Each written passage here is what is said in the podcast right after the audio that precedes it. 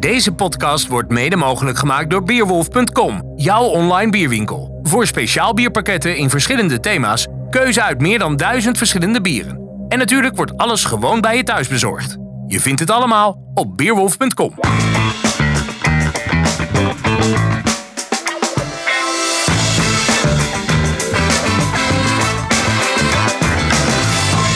Beste bierliefhebbers, welkom bij Bierradio Brewpot, de podcast talkshow van bierradio.nl. Dit is een maandelijkse podcast, steeds vanuit een andere brouwerij in Nederland of België, met steeds twee hoofdgasten. Uh, altijd een brouwer en vandaag een uh, bijzondere gast, uh, Robert Willemsen, voorzitter van KHN Nederland. En dat heeft uiteraard alles met de coronacrisis te maken. Daar gaan we straks verder op terugkomen. Mijn naam is Fedor Vogel, uitgever, hoofdredacteur van Biermagazine, Brouwmagazine en Bierradio.nl. Mijn sidekick en maatje partner in crime, Ilko Wijninga, zit naast me van Q Creative. Een mede-initiatiefnemer van Bierradio.nl. Bierradio Brewpot duurt een uurtje, bestaat ruwweg uit vier vaste onderdelen. We beginnen straks even kort met het laatste biernieuws dat we bespreken met Peter Rauwe. Want we zijn vandaag te gast in uh, Brouwerij Noord uh, met een speciale aanleiding, namelijk een aantal nieuwe bieren. Daar komen we straks uitgebreid op terug. En daarna gaan we dus naar Robert Willemsen, uh, ook horecaondernemer zelf. een man met een grote biercarrière bij Heineken uh, als achtergrond. Dus een interessante gast, maar vooral natuurlijk vandaag in zijn rol als voorzitter van KHN. En daarna gaan we nog naar het laatste rondje. Maar we beginnen dus met het biernieuws. Bierradio.nl Biernieuws. Robert en Peter, wat vonden jullie het opmerkelijkste biernieuws van de afgelopen week? Nou, als ik mag beginnen, dan uh, is voor mij het uh, opmerkelijke nieuws is dat ik uh, heel veel panieksignalen uit onze sector krijg. En daar was ik wel redelijk van geschrokken. En dan duid je met name op het, het persbericht ook van Kraft, die de noodklok luiden en aangeven nou, dat heel veel brouwerijen dik in de problemen zitten en sommigen ja. wel tot 90% minder omzet. Ja, daar duid ik uh, absoluut op. Ja. En uh, daar was ik wel uh, heel erg van geschrokken dat dat al heel snel zover was. Ja, ja.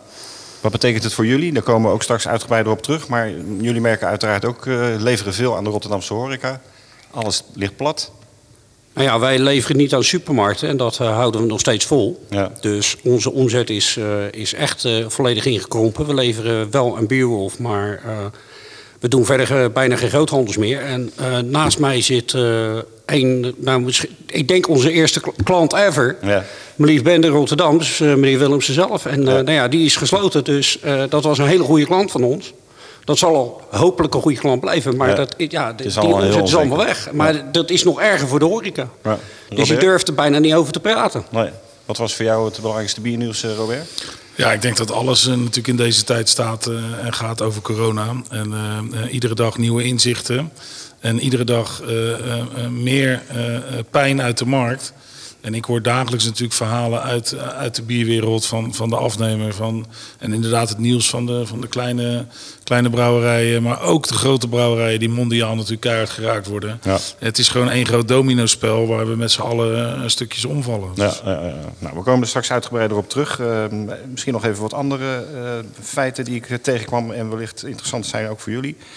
Eh, Nederlandse Brouwers vorige week met een persbericht. De bieromzet eh, in Nederland met 36% gedaald in maart alleen al. Dan moet april er nog overheen komen. Ja. Dat zijn dramatische cijfers. Hè? Meer dan een derde omzet gewoon weg.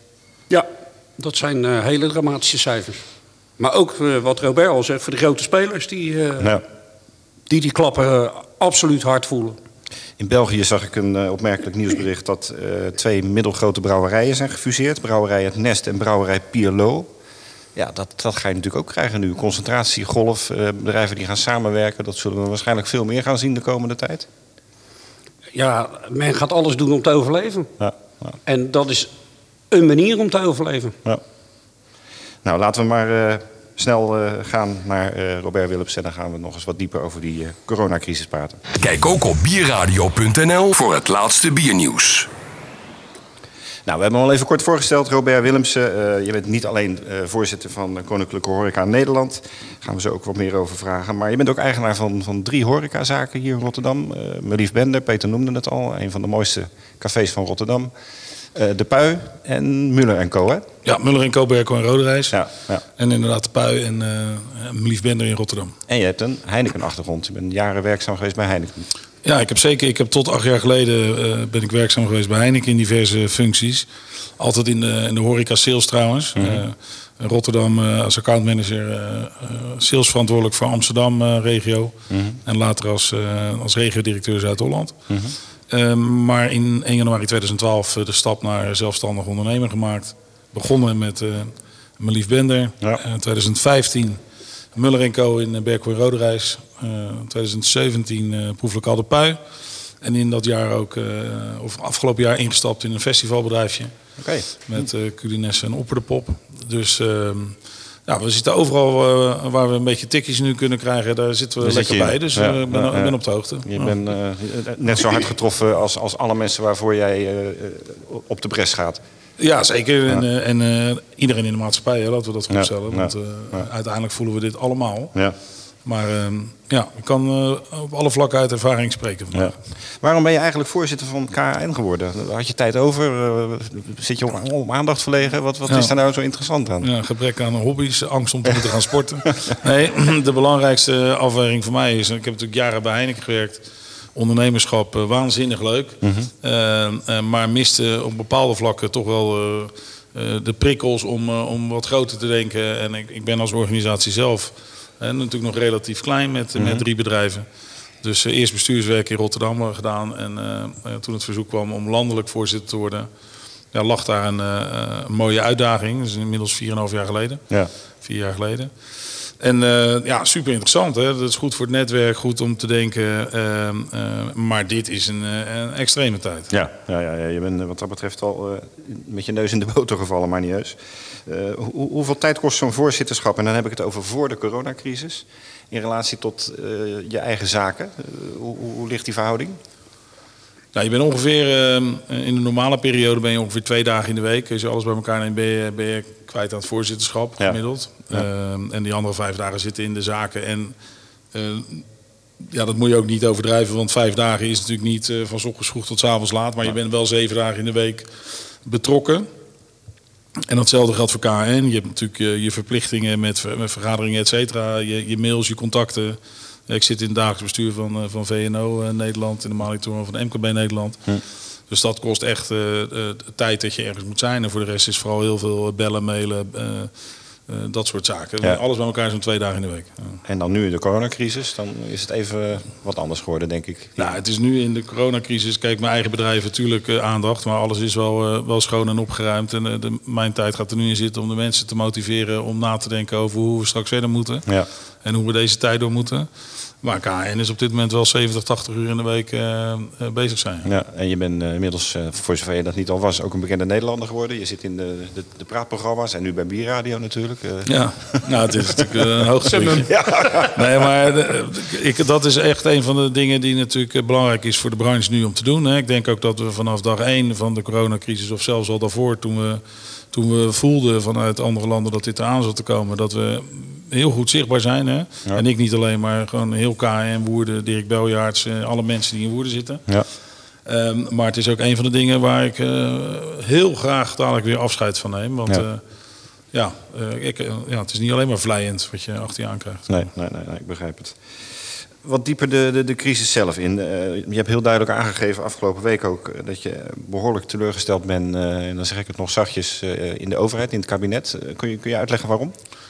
Nou, wij hebben vanaf dag één, eh, denk ik, eh, eh, als KN het kabinetsbesluit gesteund. En ik, dat is voor mij makkelijk, omdat ik was uit KN vonden we dat, maar ik vind het als persoon ook heel daadkrachtig optreden van het kabinet vanaf dag één. Duidelijke communicatie ehm, eh, in deze absurde crisis. Overigens vind ik nog steeds dat daar heel veel dingen goed gaan. Als ik het vergelijk met andere landen, we staan er als land goed voor. Dus da- daar ligt het allemaal niet aan. Eh, mijn grootste eh, eh, frustratie zit in het feit dat de NOW-regeling gewoon niet goed ingericht is in de snelheid. En dat men verzuimt om daarvan van uit te spreken dat men dat aan het eind wel gaat corrigeren. Eh, dus daardoor zijn bepaalde groepen, seizoensbedrijven, bedrijven die in januari nog niet open waren, die vallen helemaal buiten de boot op dit moment. Overigens nog wel veel vertrouwen dat dat gerepareerd gaat worden. wordt, ja. Eh, maar uiteindelijk eh, eh, betalen wij gewoon een derde van ons personeel nu, nu zelf. En dat is niet de 10% die beloofd was. Nee, nee, nee. Nou, dan afgelopen, eh, als je dan die pijn weet, afgelopen dinsdag de persconferentie. Eh, eh, en ik kan me niet aan de indruk onttrekken dat het bewust is geweest om horeca te vergeten. Want het gevolg is wel dat in de 24 uur daarna eh, heel ondernemersland op zijn kop stond. Ja. En eh, eh, het kabinet nu gewoon goede aanleiding heeft om te zeggen... er moeten economen in het outbreak management team en we gaan andere dingen doen. Ja. Dus eh, misschien is het wel een bewuster geweest. Maar toen ik afgelopen dinsdagavond bij Jinek zat... toen heb ik echt in de auto daar naartoe wel een keer of 40 tot 10 geteld. Want ik was Ja. echt om te spetteren en ik had echt lelijke dingen kunnen roepen. Ja, ja. eh, vanuit emotie. Ik heb het geprobeerd te beperken. Maar ik hoorde achteraf wel dat duidelijk was dat ik een eh, slechte zin had. Ja, ja, ja, dat is niet heel gek natuurlijk. Wat, wat zijn de grootste problemen die je, die je tegenkomt in de horeca? Het is natuurlijk een, een beetje een open deur, maar ik bedoel, eh, probeer toch eens te schetsen wat het zich allemaal. Nou, het grootste probleem is, afspeelt. is natuurlijk dat er heel veel bedrijven voor hun betere maanden stonden. Hè, dus liquiditeit is gewoon een probleem, dat is voor de korte termijn. Eh, en wat nu gewoon heel erg mee gaat spelen, is de, de beperkte eh, perspectieven voor de wat langere termijn. Waardoor het moraal gewoon eh, van de mensen natuurlijk minder wordt. Ehm, en uiteindelijk heeft iedereen als ondernemer zijn eigen zorgen. De een voor één bedrijf en vier man, de andere voor 40 bedrijven en 400 man. Ja. Maar at the end, eh, plussen, minnen, delen, vermenigvuldigen, heeft iedereen hetzelfde probleem. En dat is, eh, leef ik over drie maanden nog? Eh, en heb ik dan nog toekomstperspectief of zit ik met mijn hoofd in een strop tot aan 2027? Want Ja. dan heb ik helemaal geen zin meer in. Nee, nee, nee, nee. Nou, dat is wat je eigenlijk heel de dag aan het bevechten Wat je bent. hoort. Ja, Ja. ja. Wat, wat is ongeveer de verhouding tussen zeg maar, de gezonde bedrijven en, en bedrijven die al heel snel kritiek zijn? Kun je daar iets over zeggen? Nou, wij, wij denken dat deze maand ongeveer 1 op de 6, 7 het, het niet meer vol gaat houden. En met de huidige maatregelen dat dat in, eh, in mei eh, eh, 1 op de 4 ongeveer zal zijn. Ehm, maar maar het grootste, de grootste probleem van deze crisis is dat het niks heeft te maken met gezonde of ongezonde bedrijven. Er zijn bedrijven die juist heel gezond waren en met mooie ambities bezig waren, die goed geïnvesteerd hebben, eh, die aan de gang zijn, die nu eh, ja, je bent gewoon in omzet naar nul. Daar is Ja. niet tegen aan te sparen. Nee, nee. Eh, dus de, de, de lulverhalen van mensen over, ja, nou ja, dan krijgen we ook de shake-out, et cetera. Dat is helemaal niet de shake-out waar we op, eh, Zitten te wachten. op zitten te wachten. Nee, en eh, ik denk dat we allemaal er wel over eens zijn dat je kan discussiëren over het aantal horecabedrijven de laatste jaren, et cetera, et cetera. Maar dit is niet het moment om die discussie te voeren. En het zijn zeker niet de goede bedrijven, als je daarover kan praten, die nu afvallen. Ja. Het zijn ook gewoon hele gezonde ondernemingen die in twee, drie maanden tijd gewoon in hele grote liquiditeitsproblemen zijn gekomen. Ja, wat denk jij dat ehm, eh, straks, als het weer open gaat, op welke manier dan ook, dat er ook aan de consumentenkant vertrouwen is om weer naar die horecazaken toe te gaan? Hoe, hoe kijk je daar tegenaan? Want daar hoor ik niet veel over. Maar dat is natuurlijk ook een punt waarvan je kan denken, hoe gaan we dit doen? En mijn verwachting eh, is eh, dat we in 2020 op geen enkel moment meer de omzet gaan draaien in vergelijking met vorig jaar die, eh, die er waren. Eh, er zijn in ieder geval niet meer mensen met vertrouwen dan in 2019, dus het is altijd minder. Eh, en hoe langer deze onzekerheid duurt, en dan heb ik het geen eens over financiële onzekerheid voor de maatschappij, maar de onzekerheid van oh, hoe zit dat virus nou en hoe gevaarlijk is het ja. nou en dat gevoel. Ja. Hoe meer mensen er langer nodig zullen hebben om weer terug te keren in wat we aan het doen Ja, zijn. je Met gaat eigenlijk dieper de put in, zeg maar, zolang het duurt. Ja, mensen gaan twijfelen natuurlijk, weet je wel. Waardoor de, ja, ik, ik herken dat zelf ook wel. Ik zit nu heel erg in de opstandige fase dat ik denk, wil iedereen knuffelen en een hand geven, ben ik klaar mee. Ja, ja. Eh, maar uiteindelijk weten we natuurlijk ook dat het zo niet werkt. Nee, Want nee. Het is gewoon, er is iets aan de hand. Jij bent eh, eh, voorzitter KN, daar hebben we het eh, uitgebreid over gehad. Maar je bent dus ook horeca-ondernemer. Hoe gaat het met jouw eigen zaken? Ja, ook niet goed natuurlijk. Maar ik bedoel, eh, wat, is, wat is jouw perspectief? Nou, ik moet zeggen dat wij wel eh, gewoon als hele gezonde bedrijven de crisis ingingen. En dat ik ook eh, wel heel goed gevoel bij heb dat ik dit nog wel een aantal maanden vol kan houden. Eh, maar ook wel ingegeven door het feit dat ik een behoorlijk potje had gespaard om te kunnen groeien. Ja. En het is wel ongelooflijk zuur dat je, nou, in ieder geval zoals het er nu dagelijks uitgaat, zo heb ik het nooit kunnen verdienen zo snel. Nee, nee. Eh, en, en wat ik heel zuur vind, is de vanzelfsprekendheid waarmee anderen in de maatschappij, en dan denk ik aan vakbonden, het maar vinden dat wij uit onze spaarpot, waar je gewoon je eigen de pestjantjes voor gewerkt Ja, hebt, ja. dat wij maar gewoon even die leeg schudden om dadelijk die weer door te kunnen gaan. Hè, dus het, het gaat in een bizar tempo iedere ochtend eh, van je af als je wakker wordt. Ja, ja. Ehm, Hoeveel mensen heb jij in dienst? Nou, alles bij elkaar, part-time en fulltime 80. Ja. En krijg je die nog wel eh, gemotiveerd? Want ik hoor ook van ondernemers dat ze contact hebben met het personeel. Maar dat die eh, inmiddels eh, tot diep in de nacht aan het gamen zijn... en zelf ook in een soort eh, draai komen van waar gaan we heen? Nou, ik, ik maak daar wel in. Ze zijn me allemaal even lief, maar ik maak wel een klein onderscheid in de mensen die fulltime vast bij me werken, of 20 uur vast bij me werken, of een werkstudent, hè, zeg ik maar even. Met name met die eerste groep hebben we gewoon heel veel contact. Eh, eh, via appjes, door een kaartje te sturen, door ze even op de zaak te halen, door dingen te doen. Ik vind het moraal van die groep, eh, de- dat is voor mij alleen maar een stimulans om Ja, door te gaan. goed. Dus dat is hartstikke goed. Ja. Ja, ja. Ehm, maar ik hoor ook wel dat het hier en daar wat minder is. Ja. Even naar het, eh, het bierbrouwende deel van de horeca. Je, je hebt een, ook een brede ervaring als, eh, als bierman bij Heineken. Eh, hoe vind jij dat de bierbrouwers zich opstellen richting de horeca? Oeh, dat is eh, gevaarlijk, hè, wat ik nou wil zeggen. Kijk, ik, ik, laat ik zo zeggen, ook van wat ik zelf eh, aangaf, wat ik zelf eh, moet doen, hè, vanuit bepaalde mensen die denken, ja, het is maar normaal dat je bij betaalt, eh, vind ik het ook niet vanzelfsprekend dat de brouwers maar klakkeloos de portemonnee trekken. Aan de andere kant hebben we afgesproken, of is er ergens in het traject geroepen, dat je in de keten het met elkaar moet regelen. Dus eh, de stap weer van vandaag eh, van Heineken, die zegt joh, twee maanden geen huur, et cetera. Dat zijn hele belangrijke stappen. Wat ze doen met, met reinigen van installaties, et cetera. Gebeuren goede dingen. Ehm, ik vind dat er wel meer zou kunnen op bepaalde vlakken, op de wat langere termijn. En waar praat je dan Ehm, over? Wa- Wat, wat zou meer kunnen? Nou, ik denk dat je uiteindelijk als. ehm, ehm, de- deze, deze crisis geeft misschien ook een beetje aan. van waar wel of niet een rol zou moeten liggen voor de brouwer. Ehm, en ik denk dat je. eh, eh, zeg maar met de middelen en mogelijkheden die er zijn. dat banken, brouwers. misschien meer met elkaar zouden kunnen optrekken. qua garantiestellingen, et cetera. Om, om de boel voor wat langere termijn overeind te houden. Eh, maar overal denk ik dat er ja, best een behoorlijke beweging aan de, aan de gang is. En het is aan iedere individuele eh, ondernemer om met zijn brouwerij te praten van is het goed genoeg. Ja. Ehm, maar het is voor mij geen vanzelfsprekendheid voor partijen die wereldwijd keiharde klappen krijgen. Eh, dat ze hier nu maar onbeperkt eh, de knip moet, eh, moet, eh, moet eh, trekken. Je moet het samen, je samen moet het oplossen. samen oplossen. En geldt dat ook voor, voor de kleinere brouwers? Ja, Peter Rauw is een, eh, een van jullie leveranciers. Hoe, hoe werken ik jullie daarin dat- samen in, in deze ellende? Nou, niet omdat Peter hier ook aan tafel zit, maar ik denk dat de, de, de- en ik, ik kan niet praten over andere kleinere brouwers, want daar werk ik niet mee. Maar ik denk dat hier in Rotterdam altijd al een ongelooflijk samenhorigheidsgevoel is en dat iedereen onwijs waardeert dat Peter er altijd voor gekozen heeft om horeca te leveren, exclusief horeca. En dat iedereen er nu alles aan wil doen om, eh, om Brouwerij Noord ook aan de gang te houden. En dat kan nu zijn door een actietje. Maar dat zal dadelijk ook blijken door gewoon weer massaal bij Peter af te nemen en niet te gaan zeiken over leverantievoorwaarden of Nee. gratis dingen. Of, Nee, eh, precies. Weet je wel, gewoon leven en laten leven, denk Ja, ik. eh, nou, mooi, mooie gedachte. Eh, Even naar die anderhalve meter horeca. Eh, dat is natuurlijk zo'n begrip geworden inmiddels. Eh, je hebt ook duidelijk aangegeven in verschillende interviews dat je daar ja, eigenlijk ge- ja, geen voorstander van bent. Ik snap dat ook wel. Kun je nog eens uitleggen waarom? Ja, kijk, het is niet zo dat ik er niet aan mee wil werken. Of dat ik denk dat onze branche niet creatief genoeg is. Maar ik wil heel graag het realistische geluid laten horen. En het is gewoon financieel voor 85% van de branche niet rendabel. Dat is één. Als het al kan, hè, want ik geef altijd als voorbeeld proeflokaal de Pui. Daar staan op vrijdagavond 70, 75 man binnen. En dan kunnen er nu zeven binnen. Met daarbij de restrictie, als degene die het vers weg zit bij het toilet moet plassen, dat die andere zes de zaak uit moeten om veilig bij het toilet te komen. Dus dat wordt ingewikkeld.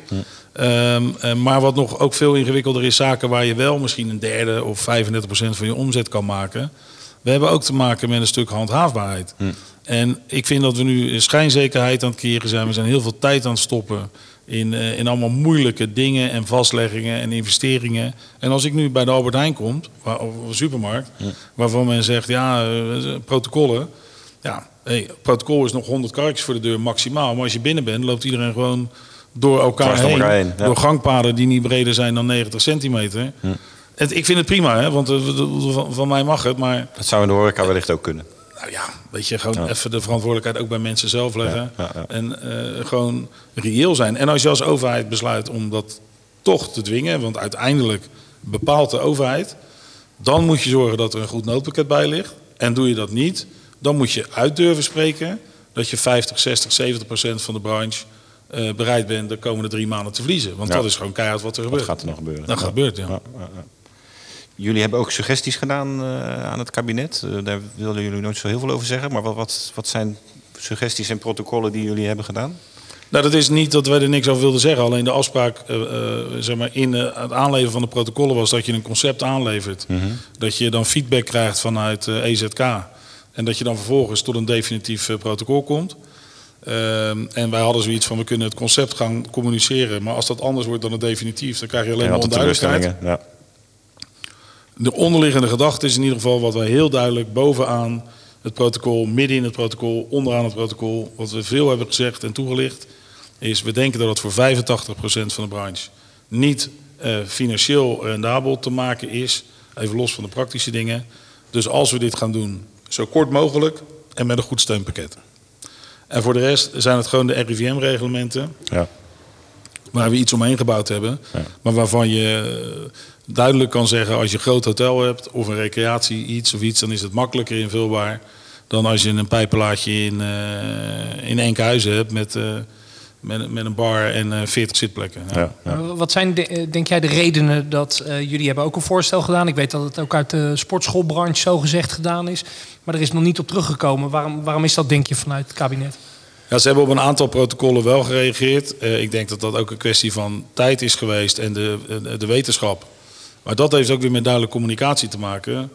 Kijk, op het moment dat zij afgelopen maandag geen terugkoppeling hebben gekregen op ons, uh, gegeven op ons protocol, dan weet ik wel dat wij dinsdag niet gaan horen dat we open kunnen. Nee. Maar zegt het dus, blijkbaar hebben ze al eerder besloten van nou dat gaat nog wel een paar weken duren. Dus dat protocol kunnen we ook wat langer naar kijken. Dat is denk ik wat er gebeurd is. Als het goed is, vandaag zou uiteindelijk de reactie er zijn op het protocol. Maar je hebt nog niks gezien? Nou, ik niet, maar dat zegt niks, want dat gaat naar, naar de, bedrijf in Woerden. Ja, ja, ja. En uh, dat komt dan vanzelf weer bij mij. Ja, ja, ja.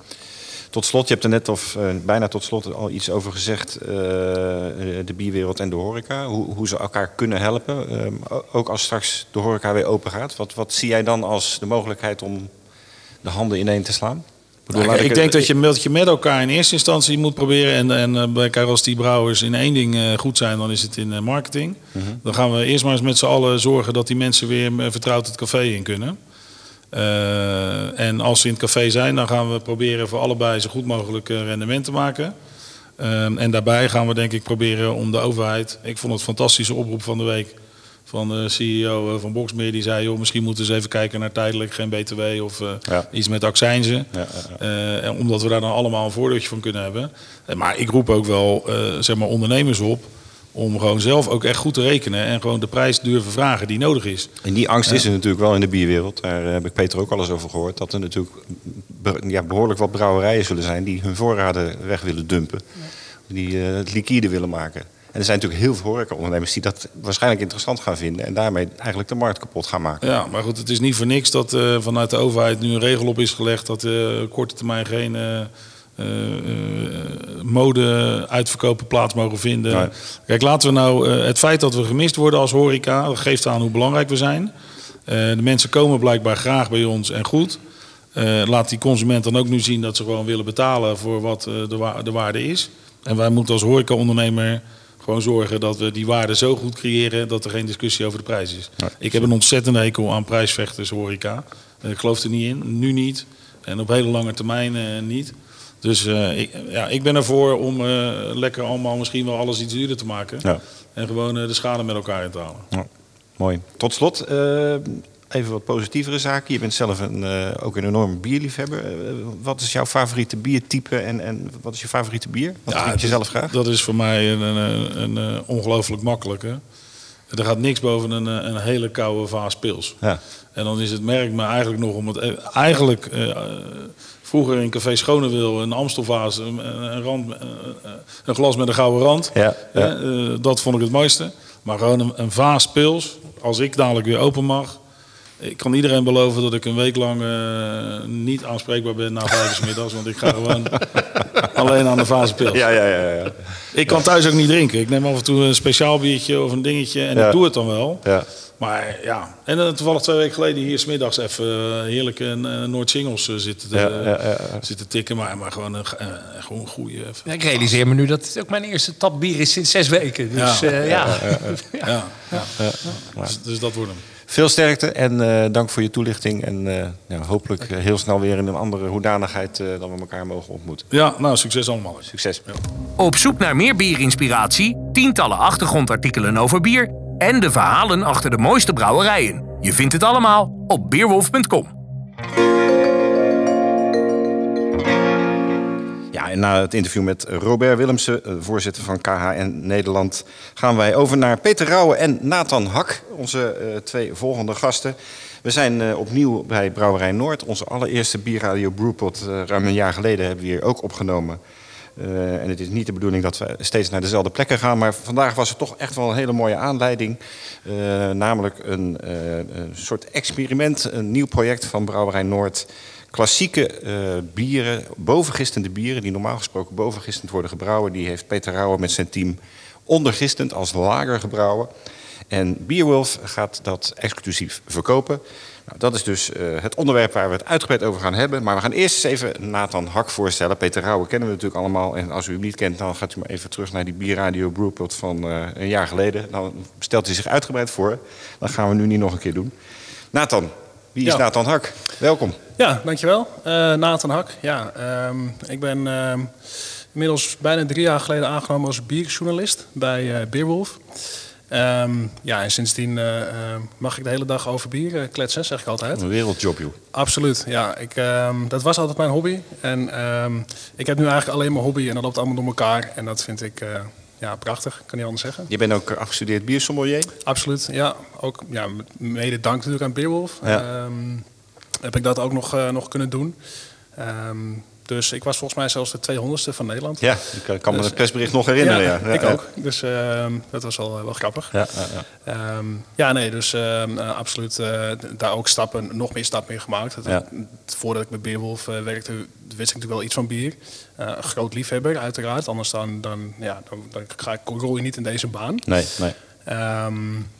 Nee, maar goed, eh, eh, zo'n zo'n opleiding tot biersommelier, dat, dat, dat plaatst bepaalde dingen die je al weet in een bepaald perspectief. En Ja. je weet sowieso dingen bij, dus dat, ja, dat... eh, Je leert elke dag bij je, weet ik uit eigen ervaring. Ja, dat is dus, helemaal waar. Ik heb ook ontdekt dat hoe meer je ergens vanaf weet, hoe meer je erachter komt dat je nog heel veel dingen niet weet. Precies. En dat is eigenlijk alleen maar mooi. Ja, ja, ja.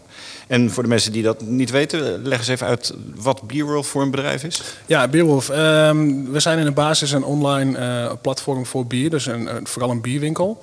Ehm, dus wij verkopen gewoon bier. Ehm, in pakketten, losse flessen.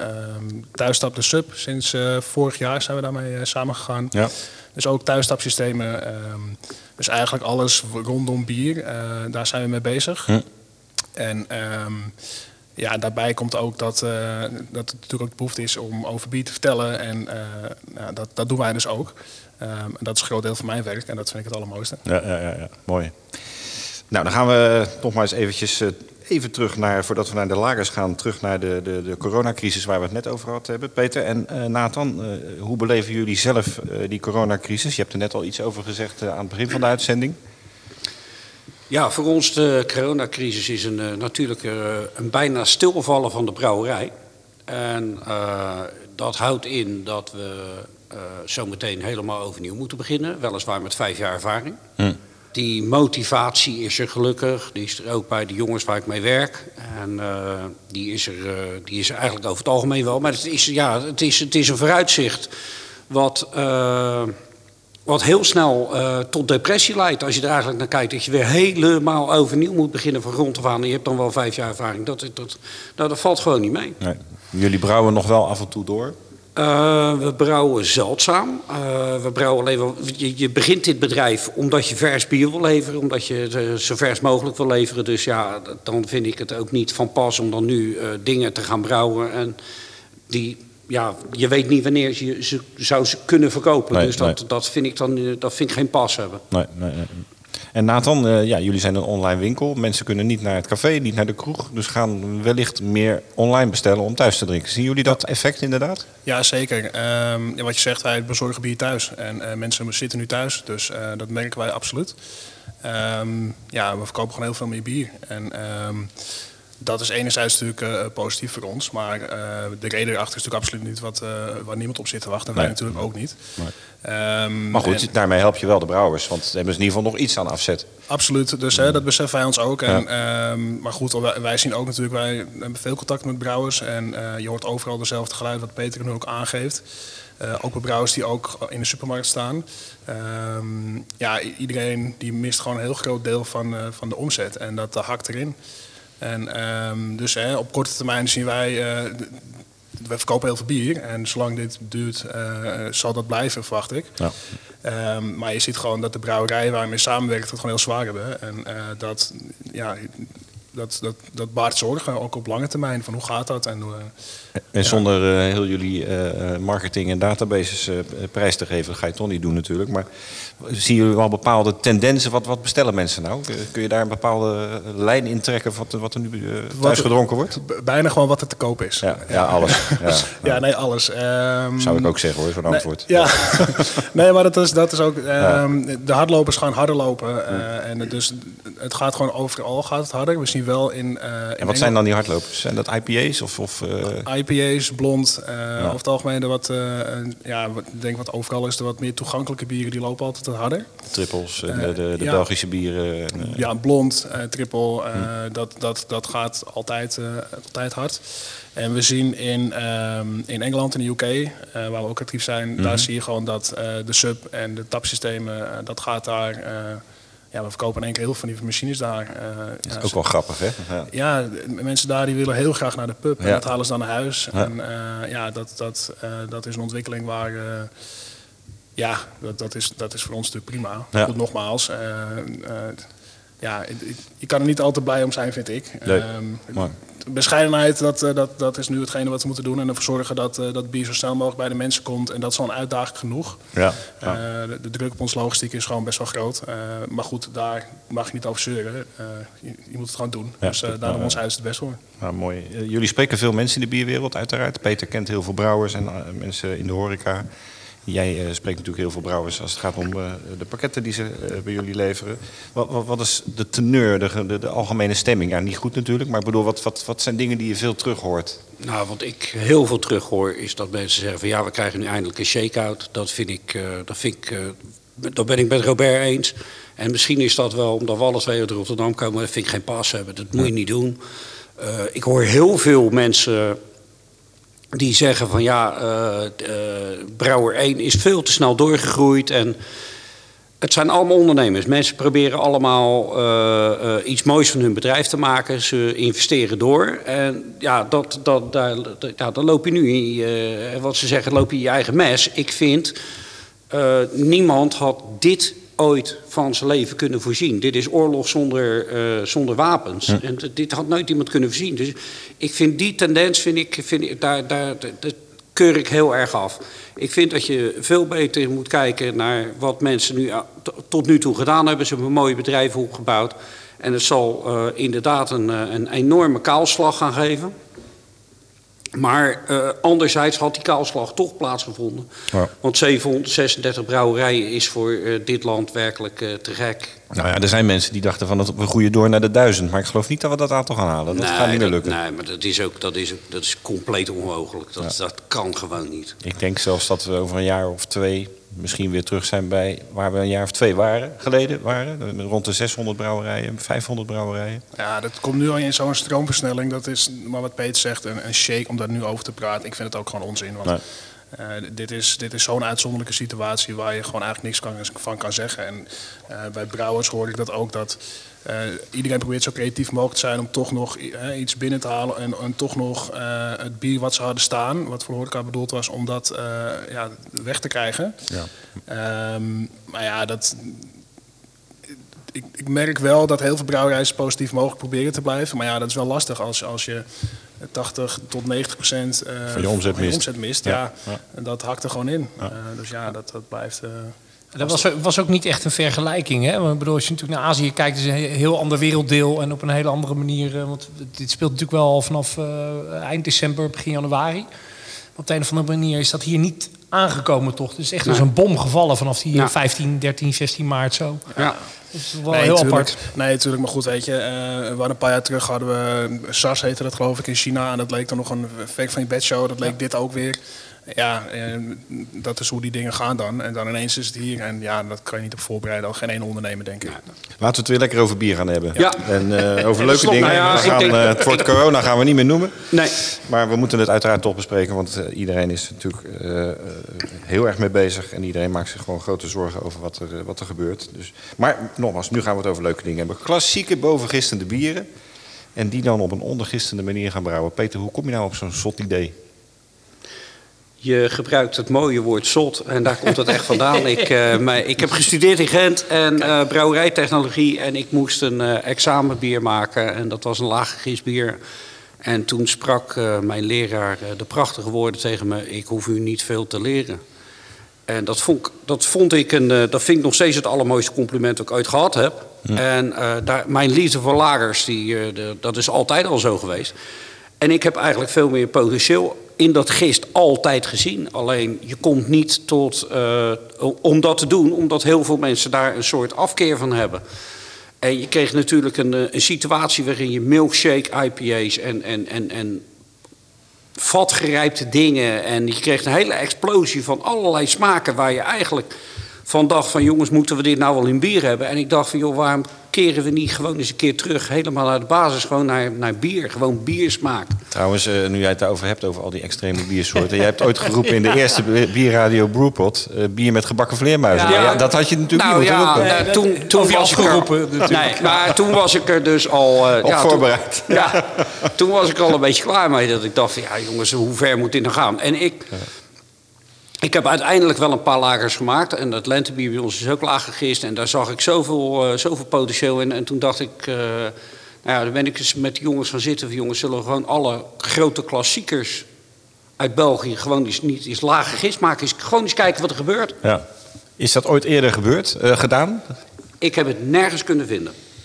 De Duitse, de Duitse biercultuur heeft natuurlijk wel veel eh, Ja. laag ondergistende bieren. Maar ja, die gaan niet hoger dan een procentje of 6, 7, denk ik. Ja, nou ja, je hebt natuurlijk die, eh, die supermarktblikken die tot 10% gaan. Maar Ja. dat is allemaal opgevoerd en dat is allemaal eh, eh, eh, zeg maar redelijk in elkaar gezet. Maar de, de Duitse cultuur, inderdaad, dat ben ik met je eens, gaat niet zo ver, ver boven de 6, 7% uit. Als wat jullie nu gedaan hebben. Kun jij voor de. eh, we hebben natuurlijk veel bierkenners die naar dit programma luisteren. Maar ook gewoon veel bierliefhebbers die wat minder verstand hebben van het hele brouwproces. Kun je even in gewone mensentaal eh, uitleggen wat het verschil is tussen bovengistend en ondergistend bier?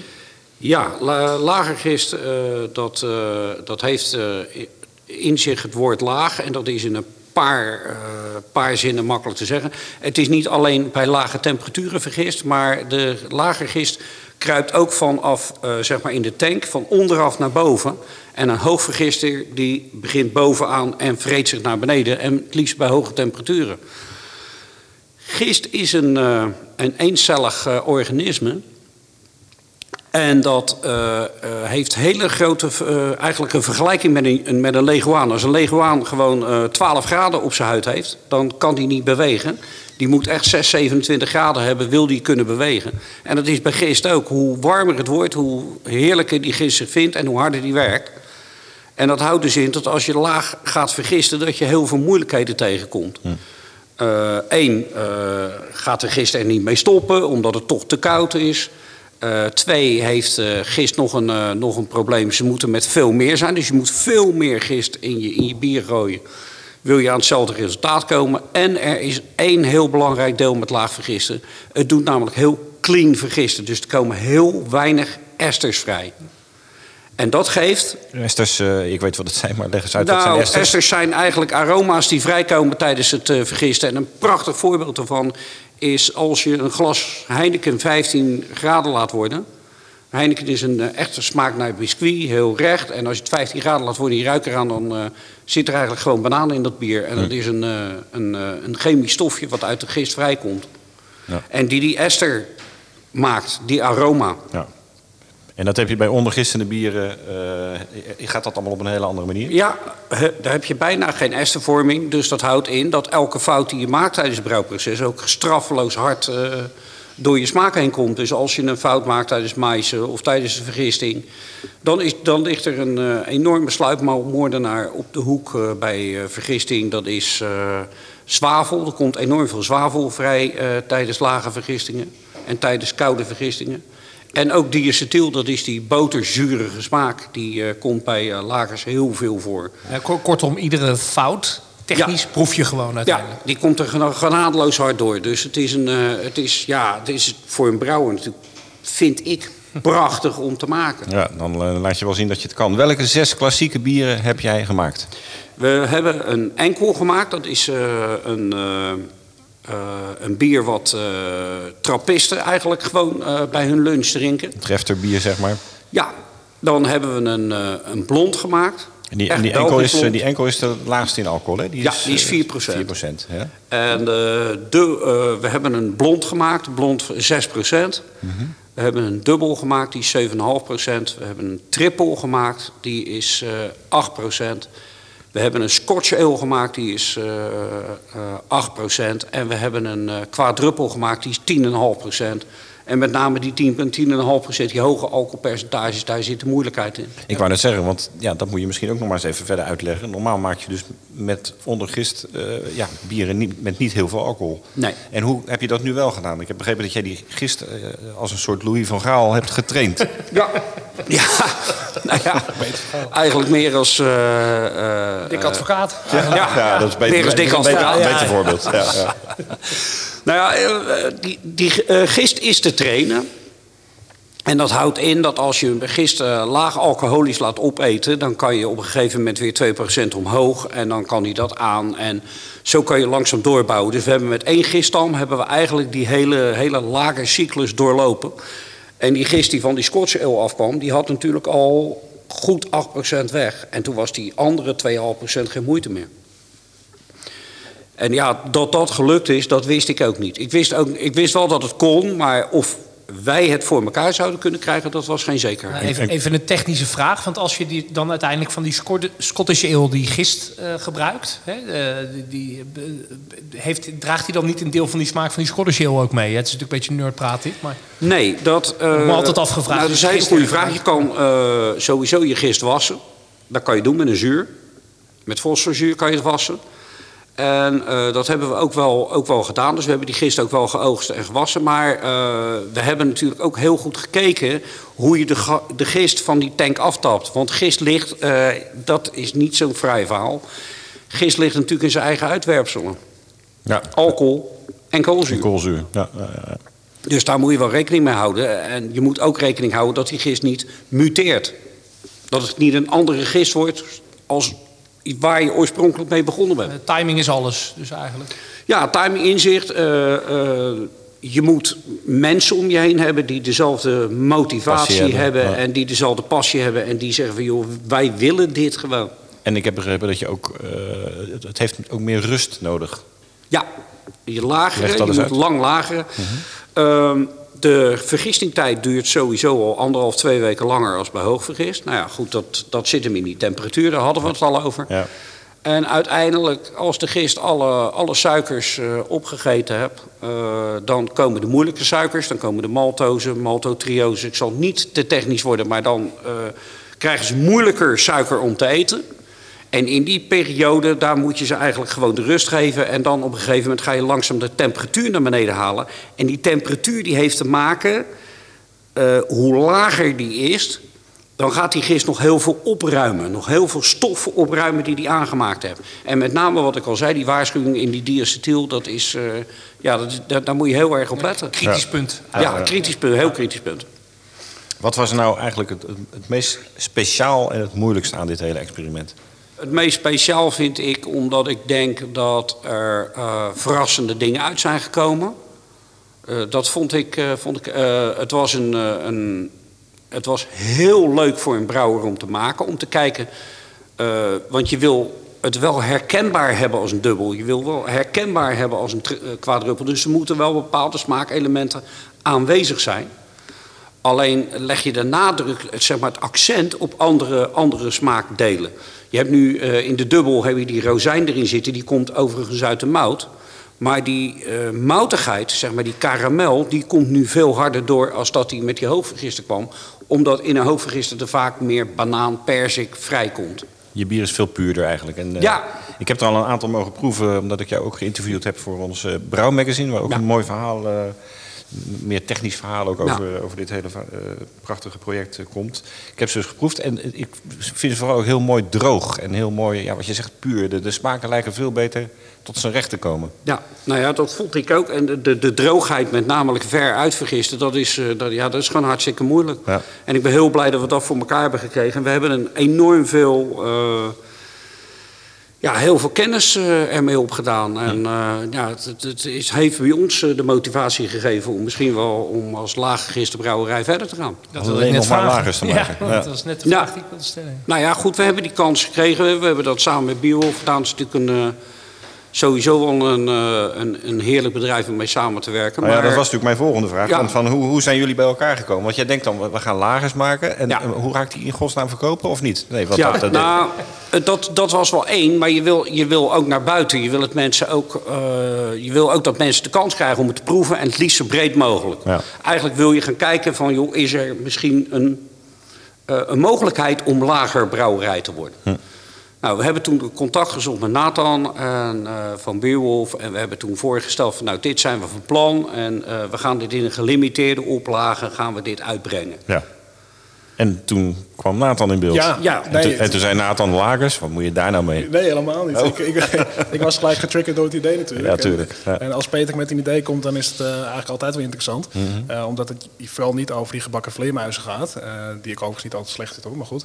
Eh, daarbuiten, eh, buiten dat. Eh, ja, als Peter met zo'n idee komt, dan ben ik getriggerd. Want eh, ik voel ook gewoon van, hé, hey, dit is een tof verhaal. Hier gaan we iets moois over kunnen vertellen. Ja. Eh, wat is die gist nou precies? En wat is het verschil tussen een, een eel en een lager of een bovengist en een ondergist? En wat voor effect heeft dat op het bier? En ehm, dat, dat kan je nu heel concreet proeven. Eh, dus ja, wij zagen gelijk al van ja, dit is, dit is heel tof om iets mee te gaan doen. Ja, ja. Eh, dus eh, ja, gelijk opgepakt en, eh, en eh, kijken hoe we dat zo goed mogelijk konden gaan doen. En, dat Want jullie gaan dat exclusief verkopen of komt dat ook nog via andere kanalen beschikbaar? Het is exclusief voor Beerwolf. We hebben En in de alleen- eigen winkel hier natuurlijk. Ja, we hebben hier in, de, in het proeflokaal eh, komt het eh, van First. Dus kunnen mensen dat proeven. En er is in Amsterdam één iemand die, eh, dat, die dat op First heeft. Maar dat hebben we allemaal met elkaar doorgesproken. Ja, ja, ja. Dus eigenlijk, maar daar is die vaten, dan moeten we maar kijken of we dat Ja. overhouden. Ja, want je hebt natuurlijk niet heel veel gebrouwen. Nee. En het is ook niet iets dat je zegt van dan gaan we even snel bijbrouwen. Eh, dit kun je niet snel bijbrouwen. Waarom? Maar als we het bij gaan brouwen, als het zeg maar een succes wordt... dan gaan we in ieder geval met Beerwolf om, op tafel, Ja. Om de tafel hoe we dat dan verder gaan doen. Ja, want hoe gaan jullie dat doen? Eh, eh, wanneer komt het beschikbaar? Volgens mij st- staat het allemaal nu te lager hier om ons heen, eh, Ja. achter ons. Eh, wordt het een, een, een collectors item? Of, of, of kunnen mensen voor intekenen? Wanneer gaat die website open? Voor intekenen, dat is een goed idee, hebben we nog niet over nagedacht. Ehm, nee, we gaan het nu, hè, we zitten nu in de aanloop, dus het wordt nu uh, zo langzaamaan bekendgemaakt. Eh, half mei staat het in, uh, in onze shop. Ehm, we willen het natuurlijk makkelijk maken dat je in, met één klik dat je dan eh, twaalf bieren in je, in je mandje hebt. Uh, dus twee van elk. Uh, ja, dat mensen dan uh, het, het makkelijk. ja, dan wordt het gewoon thuis verzorgd. Ja, dat is wat we doen. Dus dan Ja. veel ingewikkelder is dat niet. Um, ja, en daarmee denk ik dat het ook gewoon heel leuk is om, om het verhaal eromheen te vertellen. En wat het effect is op die bieren. Dus dat Ja. gaat Peter natuurlijk ook doen, zoals hij hier vandaag ook weer doet. Dus dat, dat, wordt, dat wordt gewoon heel erg leuk. En daar, ik kijk er heel erg naar uit om, ja, om daarmee in de gang te gaan. Ook. Ja, dus, ja, dat, dat is nu al iets anders natuurlijk in deze tijd. Want nou ja, we moeten ons daar ook op aanpassen hoe we dat gaan maken. Dat is eigenlijk wat we nu ook vandaag doen. Ja. maar dat is prima. Dat is, ja, daar klagen we niet over natuurlijk. Dat kan ook niet. Dus dat Nee. is, Nou, spannend, leuk. En eh, ik denk dat het allemaal heel snel weg is, eh, schat ik zo in. Ja, dat, dat, Dat, dat, eh, dat- daar gaan we voor, ja. ja. Ik, had, ik had nog wel een vraag over voor Peter. Want ehm, ik vind altijd bij een triple en een kwad... dat wordt natuurlijk best wel... ge- ge- de karakters komen heel erg uit die gist natuurlijk. Had je niet zo'n zorgen dat je dacht van... oh, dat wordt... eh, Te zoet. je- ja, te zoet. Of Of je, te- je gaat een karakter missen van die triple. Slap, slap Ja. aftreksel. Ja. Ik weet wel wat van die types al, omdat ik natuurlijk in Gent ge- gestudeerd heb. En eh, daar ben ik eh, goed vertrouwd met die types geraakt. En eh, waar, waar ik vooral naar gekeken heb, is wat, wat zit er nou in die bieren wat je zou kunnen missen. En ik vind in een triple die, eh, die, eh, die banaan, die kan, ik er, eh, die kan ik er wel goed uit missen, vind ik eigenlijk. En zo zijn er nog wel een paar esters, weet je wel, perzik wat je, wat je hebt en een beetje dat, dat, eh, dat steenfruit in, in, in, vaak in trippels. Dacht ik van nou, dat kan er eigenlijk best uit. En dat is, dat, dat is waar, ik, waar ik een beetje de, de, smaken gezocht heb. Dus ik heb zo min mogelijk geprobeerd om aan het recept te sleutelen. Er is wel eh, het een en ander gedaan, omdat je denkt van nou ja, dit moet er wel in zitten. Maar uiteindelijk ja, blijft, het, eh, blijft het natuurlijk toch... Uh, je kan er heel stoer over doen en geweldig over doen. Uiteindelijk blijft het een rock. Ja. Ja. in, in, veel trippels hebben we natuurlijk ook wel... vooral de Belgische hebben ook een, een soort kruidentoevoeging. Ja. Daar ben je waarschijnlijk van weggebleven? Of? Nee, nee, nee. De, de sinaasappelschil en de koriander, die zitten de klassiek Dat hoort in een trippel, dus die zitten er gewoon echt in. En die proef je er ook wel uit. En de rest van de vijf bieren, volgens mij, heb je redelijk, zeg maar, reinheidsgebootachtig gemaakt. Uh, daar is helemaal niets bij gebruikt. maar Dat, wij zijn groot voorstander om met die vier uh, ingrediënten... daar zijn wij nog niet mee uitgefantaseerd. Nee. Dus uh, wat dat betreft, qua ingrediënten doen wij niet zo gek veel. Nee. nee. Zou je andere brouwers aanraden om, om dit experiment ook te gaan doen? Ja, want ik denk dat lagers een hele grote toekomst gaan hebben. Ik denk dat uh, uh, wereldwijd, uh, dat weet Nathan nog veel beter dan ik het weet, wereldwijd er een roep is om minder alcohol te drinken. Um, wij dachten natuurlijk in 1965 dat we nooit de veiligheidsriem of een helm op zouden zetten. Dat is inmiddels ook. Niemand rookt meer, daar zijn we ook zover. Dus alcohol zal het, in ieder geval het percentage willen ze laten dalen. Hm. En lagers is er heel veel smaak te behalen. Uh, en heel veel doordrinkbaarheid in lage, lage alcohol. Lage alcohol. Ja. Dus ik denk, dat, ik denk dat dat een hele grote toekomst heeft. En ik denk dat mensen weer terug gaan keren naar het bier. Maar is het dan ook niet een soort van uh, kwalitatieve uitdaging voor brouwers? Want bovengist is natuurlijk toch, al, ja, is toch is, mag ik dat zeggen? Is dat iets makkelijker brouwen dan, dan, dan een lager? Nou ja, ik heb mez, uh, mezelf er net zo goed schuld aan gemaakt als veel brouwers. Je, je, pakt een hoogvergist bier, heel veel hop erbij. Ja. En je hebt een prachtig bier. Ja. Maar een lager maken, dan, dat, dat gaat er maar aan dat is, ja, dat is, dat is toch even wat anders. Maar wel heel leuk om te doen. Ja. Uh, nou ja, de slotvraag Peter, uh, je hebt hem eigenlijk al beantwoord. Ga je dit vaker doen? Maar ja, je bent dus echt aan het overwegen om helemaal over te schakelen ja. naar de lagers. Ja, we zijn, daar, we zijn daar echt heel sterk naar aan het kijken om hm. dat te gaan doen. Hm. Hoe komen we dan aan die Seven Hops en al die andere lekkere bieren? Uh, wij brouwen natuurlijk al redelijk strak. Ja. Dus ik denk dat die bieren ook gewoon uitdagender en beter gaan worden. Ja, die kun je ook als lager maken. Dan. Die kun je ja, ook als lager maken. Ja, ja, ja. Mooi. Dank Nathan en uh, Peter om dit hele mooie verhaal toe te lichten. We gaan uh, uiteraard zo nog even naar het laatste rondje. Ja, we zijn bijna aan het eind van de uitzending. En de trouwe luisteraars uh, van de Bierradio Brewpot... die weten natuurlijk dat we dan altijd nog even eindigen met wat, wat leuke creatieve vragen. Nathan, wat is los van dat mooie project... waar jullie met de Brouwerij Noord mee bezig zijn... eigenlijk het belangrijkste nieuws waar jullie verder mee bezig zijn bij Beerworld? Ja, we, we, hadden eigenlijk uh, best wel uh, mooie plannen om met, uh, met festivals, zowel in Nederland als in de UK, wat dingen te gaan doen. Mhm. Ja, dat is, dat is allemaal zeer onzeker tot eigenlijk, ja, we kunnen wel stellen dat het allemaal niet doorgaat. Dus Nee, wat dat betreft ligt onze focus nu echt gewoon op ervoor, ervoor te zorgen dat de mensen die een bier bestellen, dat ze dat goed krijgen. En dat we dat, ja, dat, we dat uh, zo goed mogelijk, zo snel mogelijk bij de mensen uh, thuis bezorgen. Dus uh, ik denk dat, dat, dat onze focus daar nu volledig op ligt. Ehm, buiten, nou ja, dit, dit is een- voor ons best wel een mooi ding natuurlijk. Ja. Eh, wat, het lakenlab van, eh, van, van Peter en Noord. Eh, dat, is, dat is nu echt eh, wel eh, waar nu dan de focus op ligt. Ja, en, ja, eh, ja. waar wij wel ook dachten van, hè, dat is leuk, dan kunnen we een openingsfeest doen hier in, eh, in het taplokaal. Kunnen we proeven met z'n allen, leuk, gezellig. Ja. Dat zijn allemaal dingen die, eh, die helaas dan niet doorgaan. Nee, nee, nee. Eh, maar goed, buiten dat eh, liggen wat dingen ook misschien. Hè.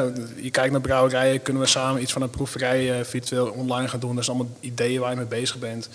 Ehm, en waar we naar gaan kijken of dat, of dat iets kan zijn voor ons. Ja, dat, dat, dat zit nog een beetje in de onderzoeksfase. Maar dat zijn wel dingen waar we ook over nadenken of, we of we ja, daar iets mee kunnen gaan doen. Die in de pijplijn eh, zitten. Ja, die in de Ja. pijplijn zitten bij ons alles online natuurlijk. Dus ja, Ja. eh, mensen kunnen het vanuit huis doen. Dus misschien kunnen we daar iets mee doen. Eh, aan de andere kant eh, blijft het nog steeds, wat ik net al zeg, eh, de focus blijft gewoon op dat, op, nou, op dat bier bij die mensen krijgen die dat, eh, die dat, die dat willen hebben. Eh, daarbij zijn we bezig met eh, nou, de bieren die brouwerijen daar staan, bedoeld voor de horeca. Mhm. Ehm, dat wordt in Amsterdam met bottle eh, afgevuld op eh, de Torps, of dat heet nu Ja. 2 liter vaatjes voor de sub. Ah, Oké, Eh, slim idee. Ja, ja, dus, Dan eh, kan, dat- kan het toch een weg vinden. het kan het inderdaad wegvinden. Dat, Hm. eh, dus dat, kan, dat komt in onze shop. Ehm, dus in die zin eh, zijn wij in de gelukkige mogelijkheid om ook nog wat bier af te nemen van die, eh, van die brouwers. Ja, mooi. Eh, dus dat loopt ook. Ja. Eh, en dat, dus we moeten de website in de gaten houden. Dan kunnen we zien welke. Want er zitten dus Altijd. lekkere dingen tussen. ja, nee, altijd. Het eerste, het natuurlijk. eerste deel is deze week toevallig live gegaan. En er Hm. komt nog een tweede deel aan. Dus, en en dat, dat, dat blijft lopen inderdaad. Dus, eh, En Wat, wat is dan jullie beste... Is dat de website of social media? Waar kun je het snelste info vinden? Ik denk als je Beerwolf googelt, dan kom je gelijk op onze website. Ja. Eh, social media, ja, absoluut. Op, eh, op Instagram, Facebook, eh, alles, alles wat nieuw uitkomt, dat maken we daar wel bekend. Eh, vooral dit soort zaken. Eh, we hebben een heel mooi knopje op de website waar eh, nieuw staat. En eh, daar komt het allemaal mooi op een, op een lijst te staan. En eh, eigenlijk alle nieuwe, echte nieuwe productlanceringen, daar, eh, ja, dat is, daar roepen we natuurlijk ook wel over. Ja, eh, Dus, eh, we gaan het volgen. En eh, voor zover wij dat niet al deden. Peter, wat vind jij de meest creatieve vinding in deze eh, eh, coronatijd op biergebied van brouwers? Ze zijn natuurlijk allemaal met hele rare dingen bezig. Drive-thrus en weet ik veel wat allemaal. Heel, heel, heel goed dat ze dat doen. Maar wat vind jij, wat je gezien hebt, dat je zegt, van, nou, dat vind ik wel zo ontzettend origineel. Nou, ik heb eigenlijk weinig, eh, weinig dingen waar ik van achterover sloeg. Ik bedoel, wij hebben niet anders gedaan dan andere mensen. eh, elkaar gevonden in boksen en bezorgen. En ja, eigenlijk is er eh, niet een creatief idee waarvan ik zeg van jongens, hier sla ik even stijl van achterover. Dit is zo fantastisch verzonnen. Eh, Had je niet de... eh, Peter van der Arend, die had natuurlijk eh, ja, best wel wat bier over. En die had met een mobiele blikkenmachine... heeft hij de taps eh, in de blikken. Dat was dan een paar dagen houdbaar. Kon je bestellen. En dan kon je een eh, soort bierbingo doen eigenlijk met, eh, met het biertje. Die nog meegekregen? Ja, die heb ik meegekregen. Maar ja, goed, wij, wij, wij staan bij Bier Co. Weet je wel, ook met een, eh, met een mobiele blikkenmachine. We hebben die hier ook een staan. En, eh, dus weet je, de, het is eigenlijk een beetje, een beetje achter elkaar achterna lopen. Maar dat zie je heel veel hoor Ja. in, eh, in Nederland. Maar goed, als een idee goed is. Ja, nee, als een idee goed is, is goed. Ik heb wel gezien in die boxen hele leuke dingen. En eh, met, met, met online eh, rondleidingen, noem maar op. Dus het is niet zo dat er geen creatief... Maar er was niet één ding wat er echt uitsprak voor mij. Nee, nee. Nathan, welke brouwer of brouwster verdient volgens jou meer aandacht? Jij spreekt er natuurlijk veel in, eh, in Nederland. nou, dat, dat, dat Killer Darlings, dan ga ik mensen tekort doen bijna. Het zijn altijd de leukste vragen. Ja, dat zijn natuurlijk dat zijn altijd. eh jeetje, wat zijn, wel- welke brouwer? Ehm, ja, je zou bijna heel lokaal gaan denken. En ehm, Richard Spierdijk van Spierbier uit eh, het Meidrecht, waar ik vandaan kom, Ja. aan, aan denken. Die, ehm, ja, die ook wel echt ambitie had om eh, te gaan groeien en dat heel langzaam heeft opgebouwd. Ja. En eh, die sprak ik twee weken geleden. Ja, en dat staat inderdaad ook stil. En eh, nou ja, wat Peter ook al aangaf, zijn brouwerijen die hebben geïnvesteerd. En niemand kan niet verwachten. Dus voor hem staat het ook stil. Dus als ik dan iemand moet noemen, dan is het Richard. Ja, mooi. uit, Mooie bieren maakt hij. Ja, absoluut. zeker weten. Ik denk trouwens dat veel van dat soort brouwers... die natuurlijk ooit als hobbybrouwer zijn begonnen... eh, toch de stap hebben gemaakt afgelopen jaren naar professioneel brouwen... dat die over een tijdje gewoon allemaal weer hobbybrouwer zijn. Ik denk dat er een aantal ook gewoon niet failliet zullen gaan... maar gewoon zullen stoppen. En gewoon zeggen van ja, jongens, dit, dit trek ik niet meer. Ik ga gewoon weer in de garage brouwen. Denken jullie dat ja, ook? of? Nou ja, nou ja, goed. Dat, dat brengt nu, nu is dat in een stroomverstelling. eh, Hmm. is, is dat natuurlijk. Maar ja, al- als we bij dit voorbeeld blijven, dat, ehm, dat is natuurlijk niet de ambitie. Eh, Nee, weet nee. Je, dat- dat zijn wat je zegt, het zijn hobbybrouwers geweest en die hebben de stap gemaakt om het Ja. eh, professioneel te gaan doen. En die, hebben daar, die willen eigenlijk daar gewoon natuurlijk niet naar terug. Dat Nee, is niet waarom nee. je het al die jaren hebt opgebouwd en waarom je die stap hebt gemaakt. Nee, precies. Ja. Eh, dus ja, dat, dat, dat hoop je dan niet eigenlijk. Zuur is het. Ja. Peter, wat is jouw favoriete biermoment? Mijn favoriete bier op dit moment is de... Nee, biermoment. Oh, bier, of biermoment. Oh, nou, dat, is- dat is niet zo moeilijk als ik s'avonds thuis kom met mijn meisje. Ja, mooi, mooi, mooi. Dat is, maar dat, dat, dat, daar, kan niks boven. Nee, nee, nee. Even de dag door. Nou, en eh, Nathan, welke bieren drink jij zelf het liefst? Behalve die eh, bieren met gebakken vleermuizen? Ja, dat- die ook. Nee, echt. eh, dat, gaat, dat gaat echt alle kanten op. Ik, ehm, ik vind juist ook die extreme bieren met die hele grote hand op en die barrel aged dingen vind ik fantastisch. Ja. Eh, ik kan ook enorm genieten van een mooi festbier of juist een mooi, een mooi ondergistend bier, een strak bier. Eh, juist ook omdat in die bieren, ehm, ja, als je een IPA maakt met een hele grote hand op, dan proef je een, een hand op. Eh, en juist bij die bieren die wat subtieler zijn, dan zijn het details die het verschil maken. En daar kan ik enorm van genieten ook. Dus eh, ja, daar kan ik niet één van noemen. Het ligt heel erg aan het moment, het seizoen en dat soort zaken. Ja, mooi gezegd. Peter, eh, moeten de media wel of niet meer aandacht besteden aan alle problemen van brouwerijen die er op dit moment zijn rond die coronacrisis? Nou, ik, eh, ik vind dat er eh, momenteel een overkill eh, plaatsvindt. En we, moeten niet uit, we moeten uitkijken met z'n allen dat we niet in een soort zielig, zielig Pie- Pietje Bel verhaal terechtkomen. We zijn gewoon allemaal ondernemers. Het is, het is moeilijk, we hebben het zwaar. Dit is het en hier moet je het mee doen. Ja, dat geldt voor iedereen. Niet Ja, alleen voor de er is niemand uitgezonderd. Ook jij niet, ook niet. Niemand is uitgezonderd hier. Klopt. Tot slot, eh, op wie moeten we proosten met ons eh, laatste glas bier? Ja, ik denk eh, toch eh, op onze minister-president dan maar. En op de Nederlandse brouwers. Nou, Mark Rutte, ja, deze is voor Ja, jou. eh, Mark Rutte, gezondheid. Dit was eh, Bierradio Brewpot. Eh, alweer een, eh, volgens mij de tiende uitzending. Ik weet het niet eens meer. Ik ben de tel inmiddels kwijtgeraakt. We gaan dit eh, maandelijks blijven doen. Volgende maand zijn we er uiteraard weer. Afgelopen maand vanwege de coronacrisis konden we nergens terecht. En eh, eigenlijk nu ook nog niet. We hebben het allemaal op anderhalve meter gedaan, zoals u ziet. Dus wat dat betreft eh, voldoen we aan alle richtlijnen. Dank voor het luisteren. Dank Nathan voor eh, de aanwezigheid namens Bierwulf. Dank Peter voor de gastvrijheid. Dank Ilko. En eh, je collega voor het opnemen, eh, Daan. Tot de volgende keer.